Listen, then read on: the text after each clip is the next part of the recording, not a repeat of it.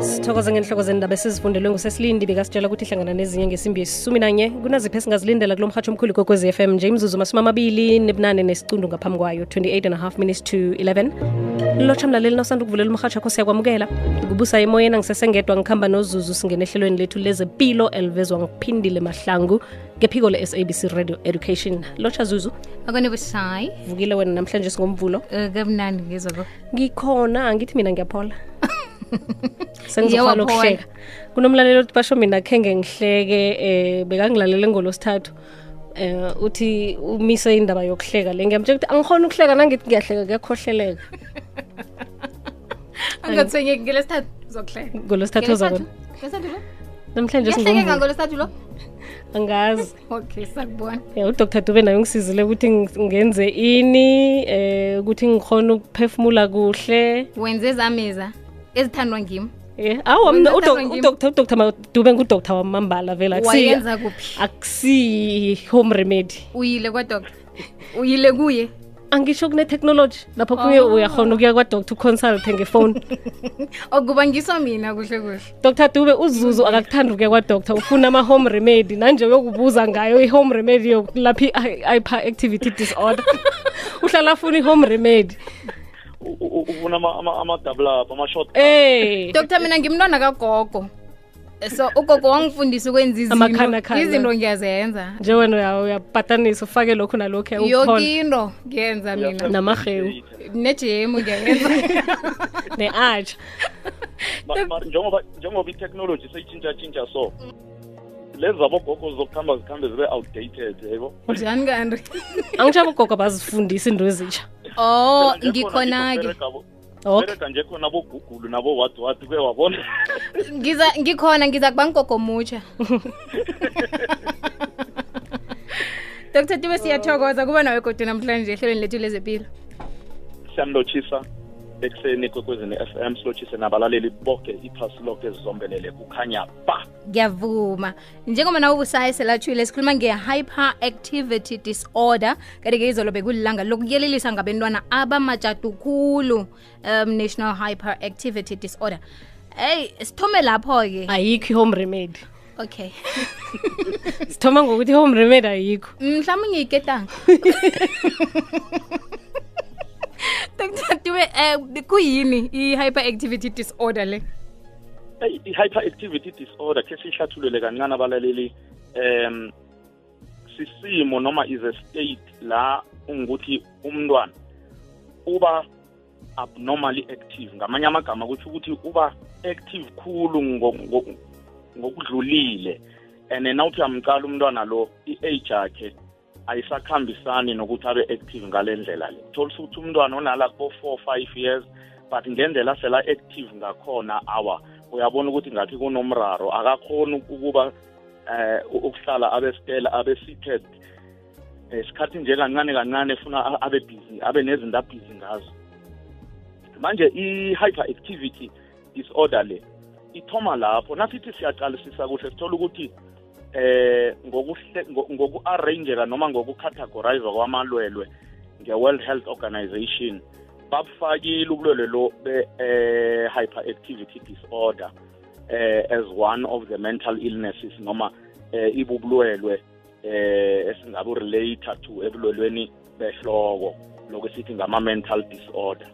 Manje ecommon khulu balaleli nani eh, bahathi eh ecommon khulu eh, ebayaziyo abantu abahleze bahlala bakhuluma ngayo ngile ebathi attention deficit hyperactivity disorder noma i-ADHD ngoba i-cause ekhona engahle nasibona umntwana aba hyperactive siyacabanga ukuthi awa inganokwenzeka ukuthi une-ADHD singayithoma lapho-ke balaleli siqalisise nokuthi eh mhlambe ke eh yini i-ADHD le noma eh i-attention hyper eh attention deficit hyperactivity disorder le iyini. Inamathwayo angazathi mhlambe singabahlukanisa kayi-3 kuba inattention umntwana wakhona usho ukuthi umntwana khona mangiyibeke nge- nge- ngesilimi lesikhethu ubhalelwa ku- ku- ku- kunikela i-attention kusho ukuthi akakhona ukuconcentrate eh wenza nama-careless mistake lapha ngesikolweni nangabe mhlambe babhizi nge-school work noma nangabe mhlambe kwenzakele yakhula nayo into leyo waze waba umuntu omkhulu. Nakhe lokhu asekabereka nasemberegweni iba khona into leyo ukuthi abe nama-careless mistakes. And then awuthi uyaqala ingase ngikuthi mhlambe akaka-understand ama-instruction but uzwe kuhle net nje ubhala la ekuthenini amnikele i-attention. And then ekhunye esikhona ukuhlathulula ngayo i-attention deficit hyperactivity disorder le eh bubudisi bokuthi akhone ukuconcentrate ibangana isikhatshanyana eside. Kusho ukuthi uma ngabe unge-classroomini and then bazokulalela mhlambe for 10 minutes iningikhulu for yena. Within two minutes sekosa ngabe sekakhulume nomunye sekahwathahwatha omunye sekasikimile and then okhunye ya uyabhalelwa nakulalela kuhle ukulandela ama-instruction. Uzokuthi noma befundisa nge-classroomini lapho angakhoni ukuthi a-organize izinto zakhe eh ezizomhelebha mayelana nesikolo. And uh, uyakhona nokuthi angaze akhambe ku isikhathi lokusiya agcine sele a-avoida izinto ezizokuthoga ukuthi eh aberegise umkhumbulo wakhe ekuconcentrating noma ekunikeleni i-attention. Izinto ezingathi zizomdimanda eh psychologically noma ngemkhumbulweni wakhe uzokuthaya ukuzi-avoida ngoba uzokubona ukuthi awa ngiyabhalelwa. And then izinto eziningi ziyamlahlekela umntwana lo. Ulahlekelwa ama-assignment esikolo alahlekelwe izinto zakhe abereka ngazo zokwenza mhlawumbe umbereka esikolo. Nangabe muntu usela mkhulu uzokulahlekelwa amathulusi akho okubereka ngemsebenzini. Uba easily distracted ngamanye amagama uphazamiseka bulula. Nanithi nisakhuluma naye nje akakhoni vele akakhoni kuyabhala ni-stress nathi usakhuluma naye. Awadala sekathethwe ngokunye ingqondo yakhe igijimela phambili um and une-tendency yokukhohlwa noma u-forgetful. And then leyo i-part yethiwa isithi inattention. Mara la sikhuluma khona ngokuthi eh i-part yesibili ila baba hyperactive khona. Ngamanye amagama ba-active khulu ukudlulisa eh indlela thina si-expecta ngayo ukuthi umntwana lo funa abe active ngale ndlela e-age ekhambelane ne-age yakhe. Ma ngeklasini akhombisa amathwayo ukuba hyperactive. Uza kuthi umema usafundisa abezahlala adlala ngezandla zakhe adlala ngenyawo zakhe. Uninini sekasukumile akakhoni ukuhlala ngesitulweni isikhathi eside ni. Eh isitulo lesi siyamchisa siyambhalela uyasikima. Isikakhulukazi uzokuba nesikhathi sokuthi mhlambe na noma ngathi mhlambe bacelile ukuthi akube abantwana ababe bahlale babe quietly seated noma bahlale bazicoce nge-classroomini. Akazokhona ni. Uyokusukima mhlambe mdala akhwele ngezitulweni akhwele ngematafuleni. Umntwana lo uthanda ukudlala khulu yona eh mara akakhona ukuthi adlale i-game eyi-one eh for isikhathi eside futhi adlale athulile. Nakadlala mdela rasa memeze abantu abadala basakhoni nokucontent nokukhuluma indaba zabo. Noma ngabe nithi nibukela i-tv ngendlini umntwana lo uzonirasela. Eh niphumulana kalele. Eh umntwana lo isikhathi esiningi khulu vele une-airtime uyakhuluma uyakhuluma and then iphathi yesi-three lapho khona kukhona ithwayo esingathi impulsivity noma sithi thina u-impulsive. Ngamanye amagama eh ma kibe mhlambe unge-classroomini utishara uzokuthoma abuza ama-question angakaqedi nokuthi aphe ama-questions. Umntwana lo yasekafuna ukufaka impendulo. Unikela i-answer isikhathi singakabe i-question angakayizwani ukuyizwa kuhle. So kuyabhala kakhulu ukuthi aconcentrate noma abekezele alinde kuhle khulu. Ngiwo-ke lawa amathwayo asinikela eh i-hyperactivity disorder le esikhuluma ngayo. Iba yi-disorder mlaleli nawubusayi lokha iba excessive activity la abonakala khona ukuthi is too much. Abantwana bonke bayadlala but lo uzombona ukuthi awa akusasiko lokhu kudlala okunormal sekufiteleti uzuzu batsho unayo-ke msingendlela ubala ngakho into ezizoke nje naye bekanjalo esikolweni angahlaliseki yena ukhuluma khulu yo ya ngiyacabanga uyazazi angazi ukuthi wazi laphi uzidiagnize namhlanje noma uvele uyazi ngiyazi oh. Amsho nala ngemarobotini uzuzu akakhona ukubekezela. Ngithi red uyangena so ngidlala umvumo-ke bese ngiyajayiva ukuthi ngingazochela ihliziyo. Hayi-ke kusho ukuthi uyiraga kamnandi-ke ihlelo la namhlanje sike sowuza kusho nokuthi bakuphani wena ukuthi mhlambe wehle eh nangabe iyalawuleka iyalapheka i- i- hyperactivity disorder le. Yenzani dr. Dube eh i-hyperactivity disorder iyalawuleka eh makuyibe sizokuqala mhlambe ngeminyaka ngoba sizokuqala i-cause i-cause esithizo ukuthi eh i-main cause especially laphana ngebantwaneni sithola ukuthi yile kuthiwa i-ADHD angeyikhathi for the sake wesikhathi. But ke iyalawuleka. Mangabe mntwana usesemncane mhlawumbe nabo 5 7 years safunda isikole okay sizomnikela ama imichoka. Njenge-retalin bayayazi kakhulu abalaleli abanye vane basibawe yona sibanye siyabalela ukuthi awa ungahabi ukumnika i-retalin khe sesithome simbone. Bangabe mntwana selamkhulu singayenza lento leya ebathi cognitive behavioral therapy. Asihlathulule ngesikhethu is-counseling kusho ngamanye amagama siyakhona ukuthi nangabe umkhulu uyakhulumiseka sihlale naye phasi simenze i-counseling sicela ama-psychologist. Ayizokwenziwa ngithi-ke sizokubawa ama-psychologist angitsho laba ababereka ngalezo mara sicela lawa wabantwana laba abancanyanyana. Then beze bazokhona ukuthi banga-avoida ukuthi singamfaki imichoka ngoba imichoka eh sivanise si-avoide lokuthi bangabi dependent. Uthola ukuthi masimnikela i-retalin le eh umntwana lo uba right nge-retalin nayingekho i-retalin eyi ikinga uba wese khulu. Seke manje zizinto esiziqalako. Ikhona eminye imichoka ngibala i-retalin ngoba abalaleli bethu bajayele vele sibapha yona futhi sibaprescribela yona. Eh ayitholakali bulula ayitholakali over the counter ngoba iyazeka ukuthi inale tendency yokuthi umuntu angaba dependent kiyo. So iyalawuleka i-hyperactivity disorder. Hmm. So kutsho ukuthi baningi abanayo into le basebujameni obufanako kodwana-ke umuntu akazi ukuthi into le iyikinga lapho khunye umuntu um akhe ngatshetshe ukuthi kune-pattern indlela enza ngayo izinto ngoba mina ngiyakhumbula thoma esikolweni um bengivele nginje ngizoyifuna incwadi ngazi kuhle ukuthi angingayiphathi eh ama-test wakhe ngizowatlola encwadini yinye nginambe ngidabula ipage.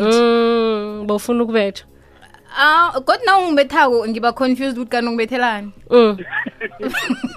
Mina ngibona indlela engenza ngayo izinto kungiyo efaneleyo. Mm. Bese into nasoyenza isikhathi ingapheli ngiphela ihliziyo. Kufanele siyenze siqede lapho khunye ngichiye kunjalo ngilise ngiyokwenza okhunye. Mm. Eh bese ingcondo le kuba ngathi angazi ukuthi ini ngibe ngihlala ngifuna ngihlala ngizumana nezinto la ngikhona. Mm. Dr dube ngicabanga ukuthi uzuzu into ayitshoko le nami le ngitshoko ukuthi ufuna ukubetshwa baningi abantu abazokubetha abentwana babo bangazi ukuthi kani umntwana unomraro. Sizokubona njani kuhle kuhle ukuthi vele sekungiyo i-hyperactivity disorder ukuthi singambethi sicabanga ukuthi akalaleli? Ya um uyazi njengoba asisho uzuzu so lokha nimbetha nimenza west uba west khulu then ila sizokuthi thina si-intervene sithi no no ma ubona ukuthi umntwana lo ngathi ayi mani i-behavior yakhe khona engambona physically ngoba mina ngibereka ngabo vela abantwana nabantu abakhulu. Ke khe afika lapha esejari laphana akhwele ematafuleni ajampe iy'tulo mara angimbethi ngoba ngiya-understanda and ilihlo lami seliyambona ukuthi awa lo unale condition. Mm. then-ke uyamcela umzali ukuthi awa ngibawa ukuthi simrefere khe yokuhlolisiswa kuhle ngoba indlela yokuthi babahlolisise kuhle um mlaleli kwekwezi nawe busayi um nani eh, nawe zuzu ukuthi ayenziwe i-background check. Udoktera loyo noma obereka ngabo abantwana labo uzokuthatha i-history kuba kuma-parents ukuthi la nihlala khona um umntwana lo into le emthomenini and mhlambe ngekhaya khe yaba khona kwabanye mhlambe eh, njengoba uzusekane-history yokuthi yena khe waba nayo mhlambe ke ebantwaneni abazokulandela nebantwaneni bakhe kuzokucheckisiswa lokho ukuthi umama akho khe waba nayo na. And then i-environment enihlala kiyo ngoba kunama-triggering factors noma kunezinto ezenza ukuthi i-hyperactivity le ibe worse. Njengokuthi mhlambe ngekhaya ifamily ayisahlangananga ubaba nomama bayadivosa umntwana uba worse leso sikhathi. Then i-hyperactivity disorder le yila iyokuthoma-ke manje ihagala khona ibonakale khona ukuthi awanje khona ayisekho ngaphasi kwelawuleko. Seyifuna vele i-intervention yabo-dr dube nama-specialist ama-pediatrician and then nama-psychologist. So ya eh kuliqiniso khulu lokho ukuthi fuze ukuthi vele si- sizomrefera ayokwenziwa-ke ama ama ama lawo esikhuluma ngawo. And then nokuthi nabamtesta mos bazombuza imibuzo bakhone nokubona ukuthi uyakhona ukuconcentrate na. Omunye nabambuza imibuzo le uzathi unaceda ukumbuza udokotela uthola ukuthi selakhohlwe ukuthi kanje bambuza ukuthini ngenxa yokuthi i-concentration yakhe vele ayikho right. U-inattentive akakhoni ukulalela aqeda isikhathi alalele. So iba njalo nje kusayi mara iyadinga ukuthi vele simrefere for further assessment. Siragele phambili dr. Dube yezwakala ehlathululo nokho ku-079 sithole imibuzo emlaleli ungenza njalo nawe? Sithumele i-voice note ku-079 ukhethe ukutlola ke lo mlaleli. Uyabuza dr. Dube ukuthi ingamenza umntwana ukuthi adose budisanyana esikolweni na? Uthi ngoba wami wenza grade 3 kodwana-ke udlulwa mntwana wakwa-grade 1 eh o namkhana ose-preschool uthi kunzima khulu khe nisize bo ngu-anonymous? Eh sithokoze khulu. Iliqiniso lapho esikoleni iyamphazamisa ingakho sikhulume ngamathwayo enzeka ngeclassroomini nangamathwayo enzeka ngemberego nakuthi mhlawumbe umhlekabereka mara sikhulume sizokufocusa kakhulu ngebantwaneni ngoba ngathi vele ihagala khulu la ngebantwaneni common kakhulu ngebantwaneni. Sevele ya is true ukuthi lokha eh manje iyenzeka ngesikoleni iy'ncwadi zakhe zizokusalela ngemuva ngoba vele akakhoni ukuba attentive. Njengoba ngisho ukuthi umema uzokufundisa. Aw by the time umema acedile iklasi liyaphuma umntwana loyo akazi litho ngoba more than 95 percent yesikhathi bekangakalaleli bekadlala ngezandla zakhe adlala ngey'nyawo zakhe nininini nini sekaphezu kwamatafula phezu kwentulo bamthethisa hayi hlala phasi. Uthe wabona ya so isikolo sizokuphazamise kakhulu and then angeke akhona ukuthi aprogresse kuhle esikolweni. Ngezokala omunye-ke umbelethi i-voice note akhe uthi basho umntwana kodwa yena beyanganakinga esikolweni bekaphasa kuhle-ke.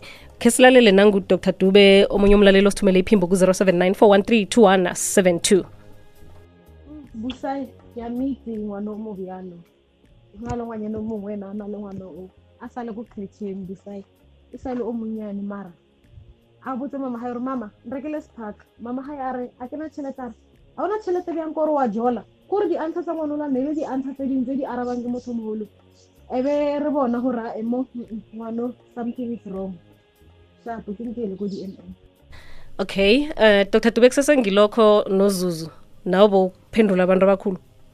Zuzu. Ingasinjalo kodwa ngimzule mara ngathi ngikhona la ngimmiske khona. Akunakinga ukuthi mhlambe bekathi namagama exactly kodwana-ke uzwakala njengomntwana odelelako mhlawumbe. Singase sitsho njalo ukuthi uphendula abantu abakhulu ngezinto ezingakamfaneli. Sihlukanisa njani-ke Ukuthi- ukuthi nje kudelela eh namkha yi-disorder le? Eh uyazi ngokuya ngokwe-category noma ngokuhlathululwa kwamalwelwe eh lapha kuma psychiatric illnesses siyathola ukuthi into leyo ima ngabe uyenza more than 6 months selokho amathwayo lawo abonakala emntwaneni loyo awa akusasika ukudelela ni sekungibo ubulwele lobu ukuthi akakhoni ni uvele nje sometimes noma abantu abakhulu bazikhulumela babodwa umntwana lo sekakhulume wafakaza itopic leya and akakhuzeki nizomkhuza leso sikhathi mara nini nini niphinde nithi nisahlangene nangu umntwana loyo ufakaza indaba e- e- e- ezingasizakhe ezingamnyama nokumnyama. So now into ekhona-ke ukuthi engizama ukuyitsho ukuthi lapho i-category yama-illnesses ithi sizomqala for six months kutsho ukuthi ngamanye amagama if ngabe into le ithwayo leli ulibonisa for six months or more kutsho ukuthi awa ngiyo i-hyperactivity leyo noma ngiyo i-impulsivity leyo Mm. noma kutho ukuthi kuyakhomba ukuthi umntwana lo vele une-mental illness enjengaleyo noma ningambetha angeke nimhelebhe nizomenza west kutho ukuthi nokudelela vele nakhona kuyi-disorder.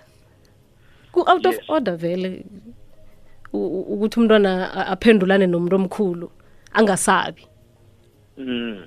okay. Kuli- kulithwayo kulithwayo elidinga ukuthi limonitharishwe ukuthi liyaphezista kutsho ukuthi liyachubeka na noma antsho umntwana nakenzile uzomkhuza mm. mara nange uyaphinda Mm.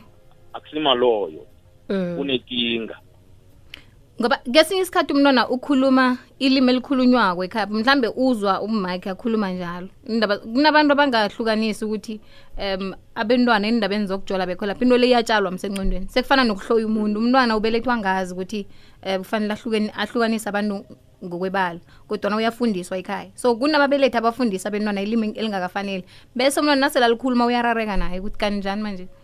Uzwa ngasuthi umntwana uyathukana kanti uzwe ngaye. Umntwana phela umunya kuwa ngitsho liqiniso zuzu. And into ekhona ukuthi unormal wange-next door nonormal wangekhaya awazifani bafana. So i- i- indlela esikhuluma ngayo nge-next door nangapha ngekhaya ayizukufana so manje uqinisile ukuthi uba conditioned ngokuza ukuthi aba- ababelethi magama abawaberegisako la ngekhaya mhlawumbe kuyathukwane wavele la ngekhaya and ngunormal wabo. Mm, abakhuzana abazizi. vele bakhu- bakhuzana ngenhlambo ayibona. Abazizwa ukuthi bayahlukana awayi ngunormal wabo loyo. Kuhle kuhle wena nawuzamtshela ukuthi awa wathukwana inhlambo engaka umuntu uyarareka ukuthi ukhuluma ngani? Mm. akhe silalele godi dr dube abalaleli ku-079 413 hayi usayi nami nginayo umntwana onjalo yazi one-airtime engapheliko una-three years. Bengisacela ukubuza ukuthi wenziwa maswidi or wenziwa yini or uyaphapha ngazi nami bese ngithi ngizomshaya. Akhe sithathe omunye godi umlaleli bese kazokubetha phela uma sifuna ukwazi ukuthi ku- mhlambe udr dube uzokusho ukuthi nase nimbone enza kangangani la fanele ukuthi nimthathele khona amagadango nakhona anjani? Busayi ngubaba usikhosana lula nginomntwana nami uslowly but yena kuthiwa une-epilepsy uthatha i-treatment ye-epilepsy. Akunanex ayiconcentrate akayizwisisako. Mara nakukudlala uthanda ukudlala khulu. Angazi ukuthi kuyawela. Ngoba uyaya kudoctor bamcheck bathi batsho une-epilepsy njenganje and uviolent uyalwa. Nangungamkwatisa ulwa ngenye indlela angazi ukuthi ngabe ngikholo kona ngiyathokoza. Ngimzweli alright newekuthomeni? Eh lokuthoma naye uzwa amathwayo ukuthi bashobele naye bese kathi ufuna ukumbetha ngoba cabanga ukuthi uyaphapha. Ya. No lo wakutoma eh akhe sithi mhlambe yena ke ubululu esingamenzela bona ukuthi asimrefera njengoba ngichiza ukuthi i-hyperactivity disorder i-multidisciplinary health team efuze ukuthi ibe involved. Ngamanye amagama ama-social worker ama-psychologist bodoctor ama-pediatrician bodoctor kanjalo kanjalo. So then singamrefera ukuthi awa akhe khamuse bayom-mentally assessa bayo ingqondo yakhe bazoyi-assessa eh ngokuthi baba babaphe imibuzo umntwana bamuphe i-task bathi akayibereke babone ukuthi uzokuresponda njani. Omunye i-task leyo izomsilinga uthola ukuthi nakabona ukuthi iyamfrustrate bafuna concentrate isikhathi eside bese izokubonakala-ke ithwayo leli uma akhuluma ngalo ukuthi njengoba siyam siyamstimulate ngitsho nje ukuthi siyamkwatisa then uzokuresponda ngale ndlela ahlalenza ngakhona ngekhaya. So imama singamrefera sithi awa akhekhe mhlambe aye kadoctor bamthumele endaweni erehe la bazoma-assessa khona before aphakamisa isandla ukumbetha. Then eh ubaba lo ungibisela lapha endabeni yama-causes noma ke ngikuthi ibangelwa yini i-hyperactivity disorder le? E- e- eyokuthoma engimentionile ngithe mina i-attention deficit hyperactivity disorder yi-cause yokuthoma. And then kunelinye esifuna silisho sithi njenge ama-nervous system disorders noma amanye ama-psychological disorders kutsho ukuthi obunye ubulwelwe angebuchopheni bungayikhosta i-hyperactivity disorder. Eh ngamanye amagama kutsho ukuthi mangabe unobulwelwe basebuchopheni njenge-epilepsy bungamenza ukuthi abe hyperactive. Ngenye yama-causes engakayibali yona ikhona vele nedi ngibone ukuthi angikhulume ngale ecommon abantu abayaziko lese esithi thina i-ADHD but i-epilepsy ngenye engabanga ukuthi umntwana noma umuntu omkhulu abe hyperactive ngoba into ekhona ukuthi uthe ubaba ngathi uba nesikhathi abe abe aggressive noma uyalwa noma u- u- u- ngathi u- u- u- u- uberegisa i- i- i- i- iinkhwepha zakhe. Then into leyo singayivuma ukuthi uliciniso but ke akungatsho ukuthi lo une uba hyperactive ngenxa yokuthi kukhona i-underlying cause okuyi-epilepsy. Manje into engamhelebha ukuthi i-epilepsy yakhe vele funa ibe under treatment udoctor abamnikele i-treatment ezokuthi i-epilepsy i-hyperactivity ayi- ayibonisako izokhona ukuthi ilawuleke. Eh, Dr Dube inabo ubungozi em i-disorder le ingamfaka mhlawumbe umuntu ekingeni? Kuba njani? Mm. Uyavuma. Ngi- ngi- Yeah. ngi- ngivuma umbuzo wakho lo ukuthi muhle mhathi muhle mhasho umbuzo wakho. Um i- i- into ekhona eh singamention akubalaleli ukuthi vele na ingakatrithakali noma ingakanakwa like sithi siyipheye i-attention emntwaneni lo ukuthi umntwana lo ingaba yinkinga vele ngoba ingamenza ukuthi agcina ne-depression. Njengoba ngichizo ukuthi mina eh uyazibona ngitsho naye ukuthi ayi man yazi ngathi angiconcentrate ngeklasini ngathi ng- angikhoni ukuhlala steni ngiyajampa jampa ngathi ng- angikhoni ukuhlala ng- ngicoceke. Umntwana lo izomstress indaba le abe depressed. Uzokuthoma uzoba ne-depression. Enye into angaba nayo angaba ne-low self esteem kutho ukuthi abe ne- ne- nento yokuziqalela phasi. Ukuthi mina eh, phakathi kwabanye abantwana noma phakathi kwabanye abantu angizukuba rehe ngoba kuyovele kubonakale. Noma mhlambe ngimuntu omkhulu ngiya ngemtshadweni or ephathini kuyokuvele kubonakale amathwayo lawa ami lawa. Then ugcina abe naleyo nto. And then angabe ngumuntu omkhulu uzokuba nenkinga ukuthi ama-relationships wakhe angeke alaste uzokuba nama-relationship problems then eh uthola ukuthi izinto azihlali kahle ngendlela efanele. Bangabe umuntu omkhulu futhi ayikatritheki noma ayikanakwa i-hyperactivity disorder le izokukhosta ukuthi eh i-divorce rates ziba too high ngoba awukhoni ukuhlala nomunye umuntu ni and omunye umuntu especially ongayi-understand i-condition onayo. Ngoba most of the time eh, balaleli nani eh, nani bahathi eh thina abantu asikhoni ukuthi sibone njengobulwelwe i-hyperactivity disorder. Thina njengoba nisitsho bahathi ukuthi uzokucabanga ukuthi umntwana uyadelela ucabanga ukuthi umntwana lo uyaganga kakhulu ufuza umalumakhe. Uyayibona into enjalo.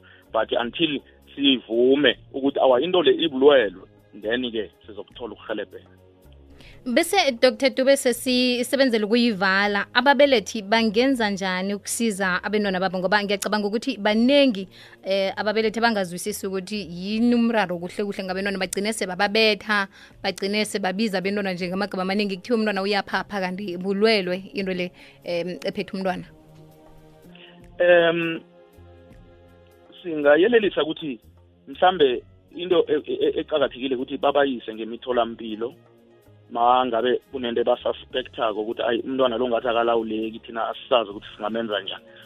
Asikhe simise ngemtholampilo azokuthola ukurefereleka endaweni e-right. But kunama tendency ezivamile ukwenza singabazali. Umntwana o-hyperactive already ningizwe balaleli umntwana o-hyperactive already kunezinto ekufuneka ukuthi singabanikeli zona. Indwezo njengamaswiti amaswiti vele abenza babe worse. Eh ama-drinks anama-caffeine. Angeke ngiwabiza specifically ngamagama awo mara i-drink ene-caffeine abalaleli bayawazi maphi abenza babe worse uba too hyperactive. Manje zizinto nathi engingathi ngingayelelisa abalaleli ukuthi mhlambe batry ukuzi-avoida ingabanikeli kakhulu abantwana uh, especially five six years seven. Amaswidi khulu especially nangabe unenkinga leyo yokuthi akahlaliseki umntwana lo. So si-avoide izinto ezifana nalezo. Kuyezwakala dr. Dube. Kwanamhlanje ngicabanga bona silijamise lapha ihlelo lethu busayi. Nosihlala sifunda mihla namalanga zuzu. Um siyathokoza ukwazi ukuthi abantwana baphaphi abadeleli kodwana-ke kunomraro emkhumbulweni. Isemkhumbulweni? ah. Isemkhumbulweni dr. Du ngemkhumbulweni eh nami ngazuthi ngizakuya ku-dr dube oneyazazi musa iye ngiyazazi kodwa iyathwenya into le ngitsho na allright Yeah. ikuthonye njani empilweni? Ngiyahlangahlangana ngenza into eziningi ngesikhathi. Sinye mm. Eh, bese ngigcina ngingakaziqedi. Mm. zonke njalo. Mm. um ngiyayithoma i-course ngifunde ngingayiqedi wasinikelela inye ithwayo yangibhora iyangibhora ngiyayilisa ngenza enye. Nawuthi uyacala ngenza izinto eziningi ngomnyanga loyo. Um kunakhose engingayazi nawukhuluma ngayo naleyo ngiyenzile kudala zange ngiyicede naleyo mm. nesikolweni benginjalo ngenze woke ama-subject e-high school. Um nangiya ku-matric nasekufanele ngiyokutlola-ke nje ngahlangahlangana khulu ngoba kuthoma ku-grade ten bengiyokufika ku-matric bese ngenza i-mercantile law physical science geography biology yoke into ngayenza. Kodwana waphasa. Zange ngiphasa umatric okay. Ngizomphasa njani umatric ngoba i-maths le ngayilahla emva le nangifika ku-matric ngadicide ukuyitopa kodwa busayi. Hayi dr dube sithokozile. Yayi sizayikhulu nayi patient akho la